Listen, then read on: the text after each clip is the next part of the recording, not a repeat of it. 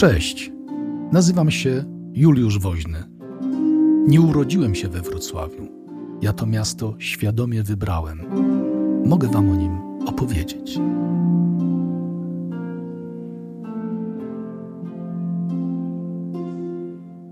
Wojna o kilka beczek piwa.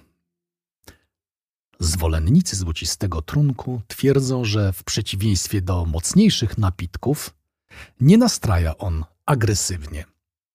Tymczasem w średniowiecznym Wrocławiu doszło do poważnego konfliktu o kilka beczek piwa. Jak do tego doszło? Kto był gotów walczyć o beczki złocistego trunku? Tak, tak. Będzie o piwie. Ci, co piwa nie piją, niech zmienią stację, e, kanał, link, gdyż są niegodni, aby słuchać, albo niech przynajmniej siedzą cicho, gdy rozmawiają ludzie poważni. Jeśli ktoś przypuszcza, że piwo jest tematem błahym, niech pamięta o naszym księciu, Leszku Białym. Żył w dobie rozbicia dzielnicowego. Były to czasy, gdy europejscy rycerze na wezwanie papieża spieszyli na krucjatę. A książę miał mnóstwo roboty tu na miejscu. Był kolejnym władcą, któremu marzyła się korona polska. Zdołał opanować Kraków i Sandomierz z przyległymi ziemiami – ale to nie wystarczało do sięgnięcia po monarszą władzę. Zapewne chcąc zyskać w swych staraniach poparcie stolicy apostolskiej, przyrzekł, że weźmie udział w najbliższej krucjacie. Traf chciał, że papież Honoriusz III natychmiast rozpoczął przygotowania do kolejnej krucjaty. Z całej katolickiej Europy śpieszyli rycerze, baronowie i książęta do walki z niewiernymi na terenach, na których niegdyś rodziło się chrześcijaństwo. Dawało to szansę na zmycie grzechów, a niezależnie od prawdopodobnej obietnicy Leszka Białego, obowiązek stawienia się zbrojnie do dyspozycji papieża spoczywał na każdym chrześcijaninie. No cóż, słowo się rzekło, kobyłka u płota. Tymczasem książę wcale nie był gotowy do długotrwałej wyprawy, którą musiał przeprowadzić na własny koszt ryzykując jednocześnie, że może nie wróci, a jeśli wróci po kilku latach, sytuacja, którą zastanie, może być dla niego zaskakująco niemiła. Nie jest tajemnicą, że wielu krzyżowców udział w krucjatach po prostu całkowicie zrujnował. Książę musiał znaleźć istotny powód, aby nie jechać. Pretekst, który w Rzymie zostałby potraktowany poważnie wytłumaczył się brakiem piwa w Ziemi Świętej, a trunek ten on z lubością spożywał. W Palestynie piwa nie ma i żyć przeto tam nie można, pisał do Rzymu. No, swój chłop, ja bym się z nim napił. Kto by się z nim nie napił? Tłumaczył się też otyłością i związaną z nią chorobą, czyli zadyszką. Lechu po prostu miał mięsień piwny. W tej sytuacji po prostu nie mógł wyruszyć na wyprawę na Bliski Wschód i chyba każdy powinien to zrozumieć. Ale wszyscy to nie znaczy papież. Honoriusz III nie ukrywał rozczarowania. W liście z 1221 roku, wysłanym do wrocławskiego biskupa Wawrzyńca, skarżył się. Niedawno podano nam jako rzecz pewną, że tenże książę, ociężały tuszą swego ciała, z trudem tylko, lub wcale nie mógłby przypłynąć ku wspomożeniu Ziemi Świętej. Zwłaszcza gdy przyzwyczajenie zmieniwszy w naturę, ani wina, ani zwykłej wody pić nie może, przywykszy do picia jedynie piwa lub miodu. No i jak Leszka nie kochać? Papież w końcu uznał wagę argumentu, ale sprytnie zmienił obowiązek wyjazdu do Ziemi Świętej na odbycie krucjaty na miejscu zobowiązał Leszka do wyprawy na pogańskich Prusów. Zatem wilk był syty i owca w ciąży. E, to znaczy, e, wilk był syty i owca cała. E, książę odbył obowiązek walki, spogany na miejscu, mogąc w trakcie wyprawy raczyć się złocistym trunkiem. Trudno się temu dziwić. Już Gal Anonim w XII stuleciu informował, że piwo było ulubionym napojem Polaków opisując legendarne dzieje Piasta, oznajmił, iż posiadał on naczynko ważonego piwa, które trzymał specjalnie na uroczystość postrzyżyn syna Ziemowita.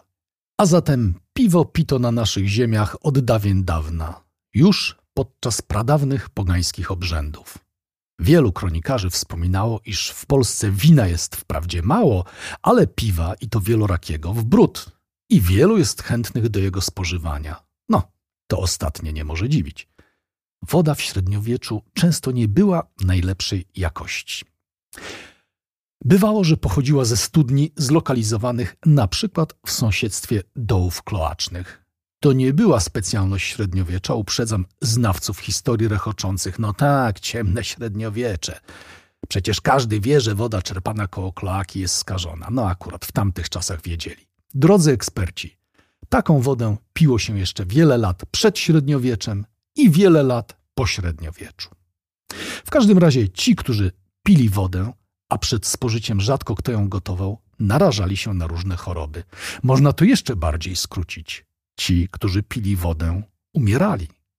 To właśnie miał na myśli najpewniej Leszek Biały, tłumacząc się papieżowi. Tymczasem podczas procesu robienia piwa brzeczkę gotuje się z chmielem w kotle warzelnym i tym sposobem usuwa się niepożądane bakterie i inne zanieczyszczenia. Zatem piwo pili mężczyźni i kobiety, mnisi i mniszki. O piwie wspominał także Jan Długosz, który w swoich rocznikach pisał, że wina i oliwy kraj ten dla ostrego północnego zimna nie ma.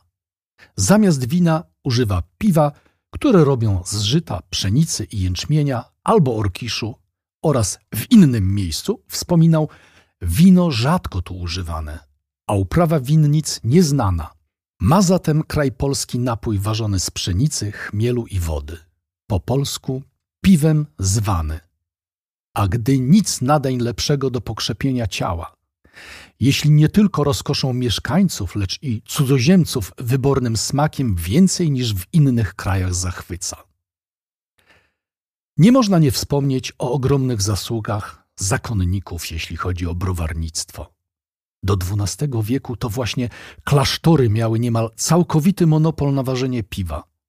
Tak szacowne opactwa jak Saint-Denis czy Saint-Remy we Francji wytwarzały piwo już w IV wieku, a od XII stulecia niemal każdy klasztor miał własny browar.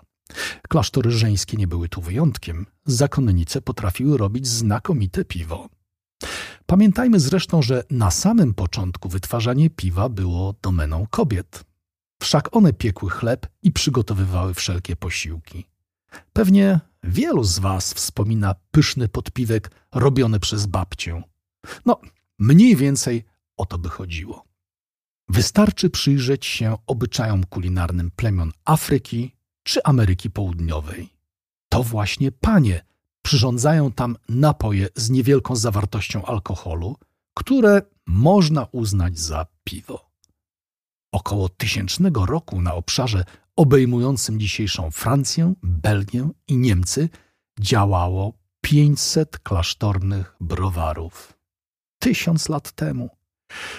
To liczba naprawdę imponująca. Sytuacja ta przestaje dziwić, gdy uświadomimy sobie, że mnisi mogli wtedy pić piwo codziennie, wedle potrzeby, choć oczywiście z umiarem. Uznawano nawet, że spożycie pożywnego i lekkiego piwa w Wielki Piątek nie łamie ścisłego postu, tym bardziej jeśli stanowiło ono wówczas jedyny posiłek.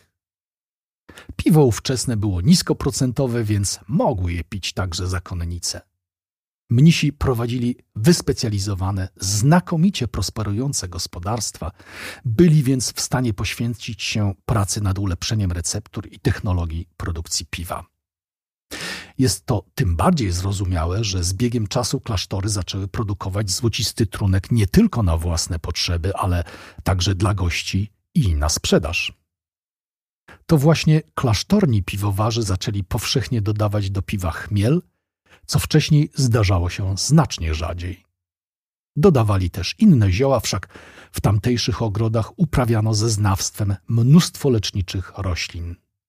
Sama święta Hildegarda z Bingen wspominała o zdrowotnych wartościach chmielu i zalecała go do dodawania do piwa ze względów leczniczych, poprawiających smak, ale też jako środek konserwujący złocisty napój. Dlaczego unikano wody, już wspominałem. Mnisi jako ludzie mądrzy wody używali do mycia, nie do picia. To oczywiście żart. Wielu zakonników stosowało surowe posty w pewnych okresach roku liturgicznego, kiedy poprzestawali na chlebie i wodzie. Kwestię spożycia piwa, podobnie jak wszelkie inne zasady życia klasztornego, regulowały zawsze ścisłe zarządzenia. Na przykład biskup krakowski, kardynał Jerzy Radziwił u benedyktynek w Staniątkach podczas wizytacji w roku 1598 zalecał, by siostry mogły chodzić do piwnicy między posiłkami, aby ugasić pragnienie na miejscu. Zakazał natomiast wynoszenia napoju do cel oraz do wspólnych sal i, uwaga, uwaga, przed chórem nie ma być stawiane piwo, jako wcześniej bywało, czyli wcześniej przed chórem stawało takie piwo. W średniowieczu przeciętnie mnich wypijał, czy raczej mógł wypijać, jeśli chciał, od półtora do pięciu litrów piwa dziennie. Pamiętajmy, że to piwo było słabsze od trunków współczesnych, o czym już mówiłem, a ówczesny zakonnik nie pijał poza tym kawy, herbaty czy innych napojów. Tak czy inaczej, o zamiłowaniu zakonników do złocistego trunku krążyły wówczas setki fraszek. Kapucyn ledwie gustuje w napitku. Celestyn tęgą przechyli szklanicę. Jakobin kufel za kuflem wysącza, lecz Franciszkanin opróżni piwnicę. Piwo. Piwo to poważny temat. We Wrocławiu toczono z jego powodu wojny. Jedna z nich rozegrała się w latach 1380-1382. Zacznijmy od tego, że średniowieczne miasta próbowały wprowadzać praktyki monopolistyczne nie mniej skutecznie niż dzisiejsze koncerny. A na pewno w ich obronie były podobnie drapieżne. Aby chronić swoich rzemieślników i kupców, wprowadzały na przykład prawo mili. Oznaczało to, że w promieniu jednej mili od miasta wszystkie jarmarki, targi, karczmy, kramy, piekarnie i oczywiście browary musiały być własnością miasta. A mila wrocławska miała 6 km i 700 metrów. Konkurencję wycinano także w inny sposób. Na terenie samego miasta, aby prowadzić działalność rzemieślniczą lub kupiecką, trzeba było należeć do cechu lub gildii kupieckiej. Aby prowadzić we Wrocławiu browar lub karczmę ważącą własne piwo, trzeba było mieć przywilej. Intencją stworzenia takiego systemu była ochrona interesów miejscowych wytwórców, tych, którzy podatkami zasilali kasę miejską i byli związani z Wrocławiem, często przez wiele pokoleń. Z drugiej jednak strony, jak mawiał Tewie Mleczarz, monopol sprawiał, że wrocławianie nie mieli wyboru. Musieli pić miejscowe piwo, a wytwórcy, pewni swego, nie przykładali się należycie do pracy. Przecież i tak wypiją piwa, którego im naważymy. I tak wrocławianie musieli żłopać tutejszy cienkusz, a o lepszym piwie mogli sobie jedynie pomarzyć. W roku 1380 książę legnicki Ruprecht I postanowił z okazji świąt Bożego Narodzenia podarować swemu bratu, dziekanowi katedralnemu Henrykowi, kilka beczek piwa. Tego najlepszego ze Świdnicy. Wóz z wybornym napojem już zbliżał się do bramy miejskiej. Na Ostrowie Tumskim duchowni już zacierali ręce i płukali kufle. Niestety. Czujni rajcy wrocławscy zarekwirowali trefny towar. To Rada Miejska miała monopol na transport i sprzedaż piwa na terenie Wrocławia. Kapituła katedralna była oburzona. Jak to? Przecież to prezent pod choinkę. No dobra, choinki zaczęto stawiać później, a zatem to tylko dar na Boże Narodzenie, na własne potrzeby. Włodarze miasta byli nieugięci. Nasza Coca-Cola jest lepsza od nie naszej i macie ją pić. A jeśli nie, to i tak tylko my możemy sprowadzać nie naszą, ale niechętnie i w ograniczonych ilościach. Takiej zniewagi kapituła nie mogła puścić płazem. 8 stycznia 1381 roku nałożyła na Wrocław klątwę kościelną. Oznaczało to srogą karę. W mieście przestano udzielać sakramentów. Ze ślubami i chrztami od biedy można zaczekać, ale z pogrzebami nie da się zwlekać zbyt długo, a śmierć bez ostatniego namaszczenia i pogrzeb bez księdza grozi konsekwencjami także na tamtym świecie. Piwo świdnickie musiało być wyborne, bo nie pomogła interwencja samego arcybiskupa Gnieźnieńskiego. Pisał on w liście do kapituły katedralnej mniej więcej tak. No dobra, chłopaki, zdejmijcie już tę klątwę, pijcie to kiepskie wrocławskie piwo i jak przyjedziecie do mnie, to się napijemy. Tego Świdnickiego. E, oczywiście pisał po łacinie i, używał innych sformułowań, ale sens mniej więcej się zgadzał. Nic z tego. Kapituła szła w zaparte. To świdnickie piwo musiało być wyśmienite. Podobno tajemnicą sukcesu były tamtejsze źródła wyjątkowo smacznej wody. Duchowni pozostali w każdym razie nieugięci. Przenieśli się do Nysy, która była własnością biskupa i czekali, aż wrocławscy rajcy wymiękną. Tymczasem do Wrocławia przybył król czeski Wacław IV. Wizyta nie miała związku ze sporem Ostrów Tumski kontra reszta Wrocławia. Wacek po prostu miał odebrać tradycyjny hołd od Rady Miejskiej. Po tej uroczystości miała się odbyć, jak nakazywała tradycja, uroczyste nabożeństwo. A tu klops. Ani uroczystego, ani w ogóle żadnego nabożeństwa. Klątwa, żadnych obrzędów religijnych na terenie krnąbrnego Wrocławia. Księża odmówili posługi samemu królowi. Nie wiem jak wy, ale ja bym się tego świdnickiego piwa napił. Zirytowany król posłał na Ostrów Tumski swoich zbrojnych, którzy mieli wyperswadować kanonikom ich opór i doprowadzić do zdjęcia klątwy. Jednak wysłannicy króla nikogo z kapituły nie zastali, kanonicy byli przecież w Nysie. Królewska irytacja przeszła w gniew. Zbrojni pachołkowie znów wkroczyli na Ostrów Tumski. Obrabowali domy kanoników. Skonfiskowali inwentarz z majątków kościelnych. Splądrowali opactwo ołbińskie i to położone na piasku. Rozpoczęła się okupacja wsi kościelnych. Słowem, chryja na całego, a wszystko z powodu tego piwa świdnickiego. W końcu w sprawę wkroczył papież Urban VI. Przybyły do Wrocławia legat papieski, biskup Tomasz Luceri próbował złagodzić spór, jednak żadna ze stron nie zamierzała ustąpić. Czy uwierzycie, że konflikt, który zaczął się od wozu wypełnionego beczkami z piwem, e, fakt, że znakomitym, toczył się jeszcze przez kolejne sześć miesięcy? Ostatecznie legat zdjął interdykt. W maju 1382 roku rajcy postanowili ustąpić i zgodzili się, aby kapituła mogła transportować i szynkować piwo ze Świdnicy bez pośrednictwa miasta. Mało tego, odtąd wszyscy wrocławscy rajcy mieli zaprzysięgać poszanowanie wolności kościoła, a piwo świdnickie zdobyło popularność w całej Europie. Cała afera wypromowała świdnicki specjał.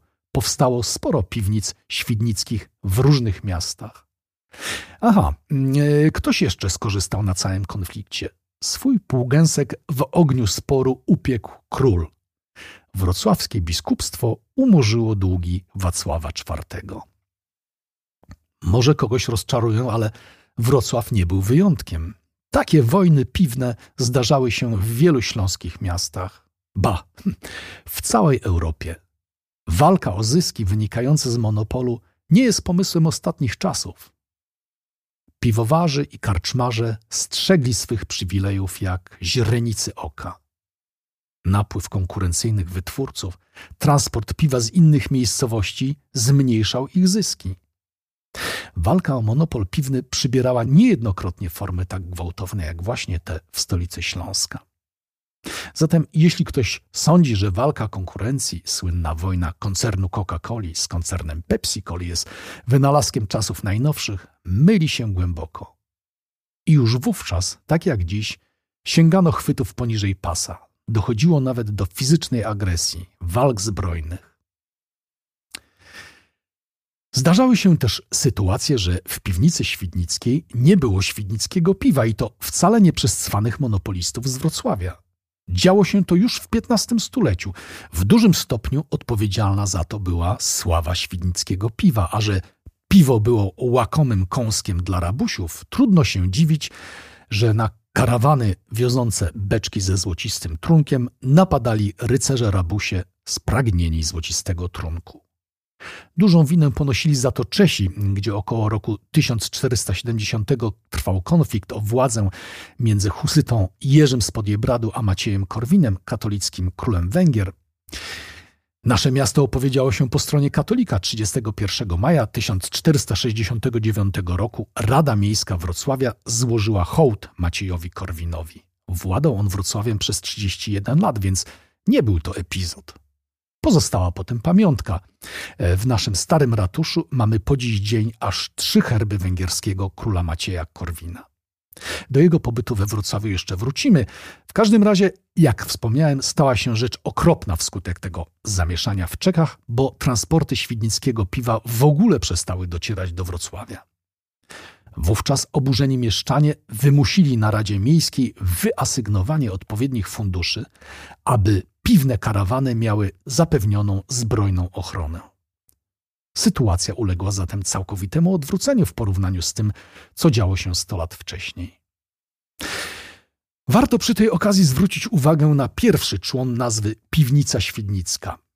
Piwnica oznaczała miejsce do przechowywania piwa, a że piwo znacznie lepiej jest trzymać w chłodnym miejscu, stąd nazwą piwnica przyjęło się określać najniższą, często całkowicie zagłębioną w ziemi kondygnację budynku.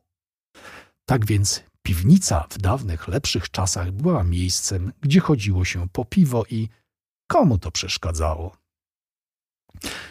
Wrocławskim karczmarzom, którzy wytwarzali piwo, wiodło się znakomicie. No, w końcu przez pewien czas mieli monopol. Mamy na to dowód. W roku 1342 wznieśli własną kaplicę przy kościele świętej Marii Magdaleny. W XV stuleciu, gdy liczba mieszkańców Śląska wynosiła 13,5 tysiąca mieszkańców, działało tu 99 karczmarzy. Najbardziej popularną piwiarnią pozostawała oczywiście przez długie stulecia piwnica świdnicka, Docierały tu wszelkie aktualne wydarzenia polityczne, komentowano w gorących dyskusjach wizyty monarchów, wyniki turniejów rycerskich, egzekucje na szafocie czy przy pręgierzu, decyzje Rady Miejskiej, wydarzenia dotyczące religii. Była to swoista agora miejska, gdzie panowała duża swoboda, jeśli chodzi o wygłaszane poglądy. Przekonał się o tym Zygmunt Luksemburski, gdy w roku 1420 anonimowo odwiedził piwnicę. Wrocławianie głośno narzekali na wysoki koszt utrzymania bawiącego w mieście dworu, licznych królewskich gości i towarzyszących im orszaków. Zniesmaczony władca napisał ponoć wówczas na ścianie piwnicy Wenn manher man wiste, wenn manher man wäre, det manher man manchem, man manchmal mer ere. E, całkiem zgrabnie brzmi to po niemiecku. W tłumaczeniu na polski znaczy mniej więcej to. Gdyby niektórzy wiedzieli, kim są niektórzy, to okazywaliby niektórym więcej szacunku. A przy jakiej okazji rymujący na ścianach piwnicy król był we Wrocławiu? O tym przy innej okazji powiem tylko, że powód nie był dla wrocławian miły.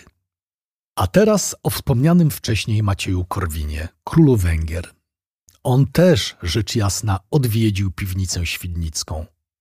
Wizyta w tym miejscu urzekła go do tego stopnia, że po powrocie do stolicy Węgier w roku 1480 założył tam, uwaga, uwaga, piwnicę świdnicką. Działała ona do roku 1740. Niektórzy sądzą, że wrocławska reformacja w roku 1523 rozpoczęła się od gorących dyskusji na tematy religijne toczone właśnie przy kufelku piwa w piwnicy świdnickiej. W wielu takich lokalach, zwłaszcza gdy funkcjonują one odpowiednio długo, pojawiają się oryginały współtworzące klimat miejsca. W bliższych już nam czasach piwnicę pod ratuszem nawiedzał między innymi brat pustelnik, Aleks z Osobowic, który codziennie pieszo przybywał do piwnicy i żebrał, znosząc czasem grubiańskie żarty i obelgi, na które zawsze odpowiadał: Bóg tobie zapłać. W końcu jednak zawsze udawało mu się wypić i zakąsić na cudzy koszt. Przez sześćdziesiąt lat bywała tu handlarka z koszykiem wypełnionym laleczkami, trąbkami i innymi drobiazgami. Nazywano ją Ellen Malchen. Krążyła po salach, podchodząc do stołów i prosząc: Kupcie państwo co ode mnie. Z okazji pięćdziesięciolecia jej działalności właściciel piwnicy ufundował dla niej tort makaronikowy, z którego po rozkrojeniu wytoczyło się pięćdziesiąt talarów. Miał gest. Jeśli będą Państwo we wrocławskim ratuszu w sali wielkiej na pierwszym piętrze, warto zerknąć na oryginalną kratę, którą dla piwnicy wykonał genialny kowal artysta Jarosław Fonka. Znalazły się na niej właśnie wizerunki kilkorga z tych oryginałów ubarwiających historię najsłynniejszej wrocławskiej piwiarni. Wypadałoby jeszcze wspomnieć o innych stałych gościach piwnego przybytku. Swoje stałe miejsca w piwnych podziemiach miały oczywiście bractwa studenckie. Synowie mus, jak górnolotnie określano wrocławskich żaków, którzy cieszyli się ogromną sympatią pozostałych gości.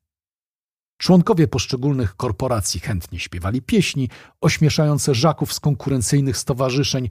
Dochodziło też między nimi czasem do wojen o stoły, do których prawo rościły sobie różne bractwa. Jednak konflikty te rozwiązywano raczej za pomocą dowcipnych forteli niż brutalnej przemocy. A na koniec, na deser informacja, która popsuje humor wszystkim amatorom piwa. Przededniu I wojny światowej we Wrocławiu prowadzono wyszynk w 1200 miejscach, co dawało jeden lokal na 50 mieszkańców. Knajpa była po prostu tuż za rogiem, a tam czekali kumple.